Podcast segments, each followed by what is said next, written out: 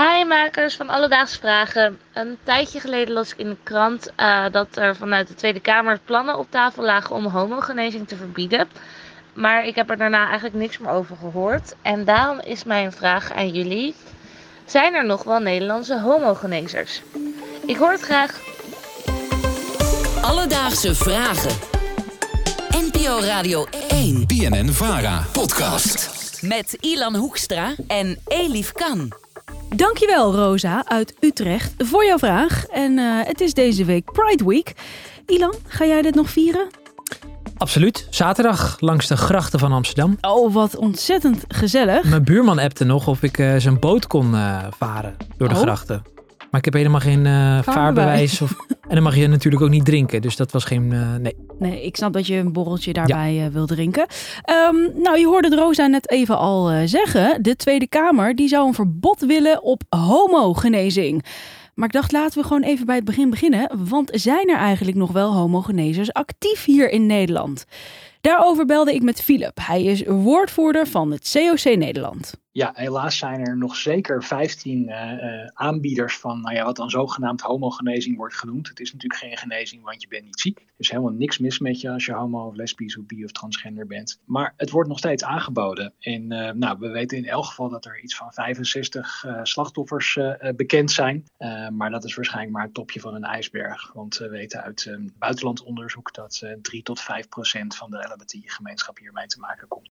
Dus voor zover we weten zijn er nog 15 homogenezers actief hier in Nederland. Um, ja, ik heb niet echt een beeld van deze zogenoemde therapieën die dan aangeboden zouden worden. Maar Philip die weet dat wel.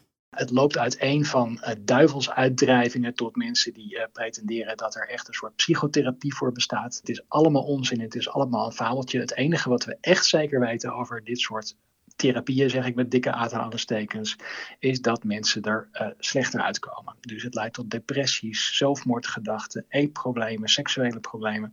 Kort gezegd, mensen gaan eraan kapot. Nou, genoeg redenen om dit te verbieden, lijkt me zo. Absoluut. Um, in sommige andere landen is homogenezing al wel strafbaar. Bijvoorbeeld in Malta en in Zwitserland. Maar helaas dus nog niet in Nederland. Applaus voor Malta en Zwitserland. Ja, oh nee, absoluut. Absoluut, absoluut. Uh, de stand van zaken hier is, er ligt een wetvoorstel waar een brede meerderheid voor is.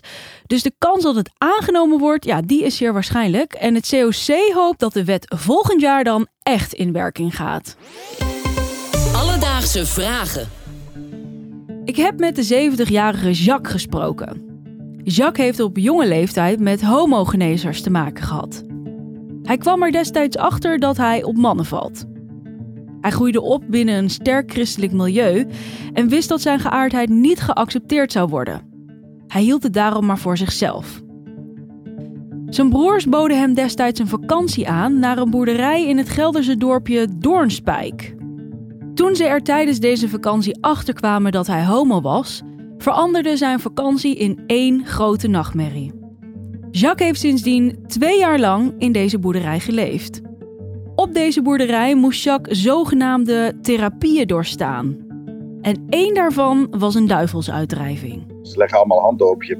En uh, ze gaan eerst zachtjes prevelen, gebiddend. En uh, dat gaat steeds harder. En ook die handen die gaan steeds verder uh, allemaal schudden. Totdat je echt helemaal gek wordt. En op een gegeven moment, uh, ja, dan laat je een schreeuw omdat je gewoon niet meer verder kan. En toen dachten zij dat het moment was dat de duivel eruit was.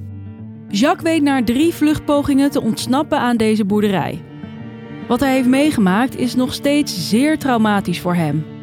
En daarom zet hij zich in voor het verbod in Nederland op homogenezing. Begin volgend jaar hoop ik dat het uh, door de Eerste Kamer heen komt en dat het echt wet gaat worden. En dat die mensen die daar ook last van hebben, ook juridische hulp kunnen krijgen tegen dit onrecht. Want ik heb nooit hulp gekregen. Uh, ja, voor mij is het een levenslang trauma geworden waar ik nu nog steeds niet overheen ben. Sinds 1979 strijdt Jacques voor het verdwijnen van de homogenezers in Nederland. En hopelijk is zijn missie volgend jaar volbracht. En Ilan? Ja.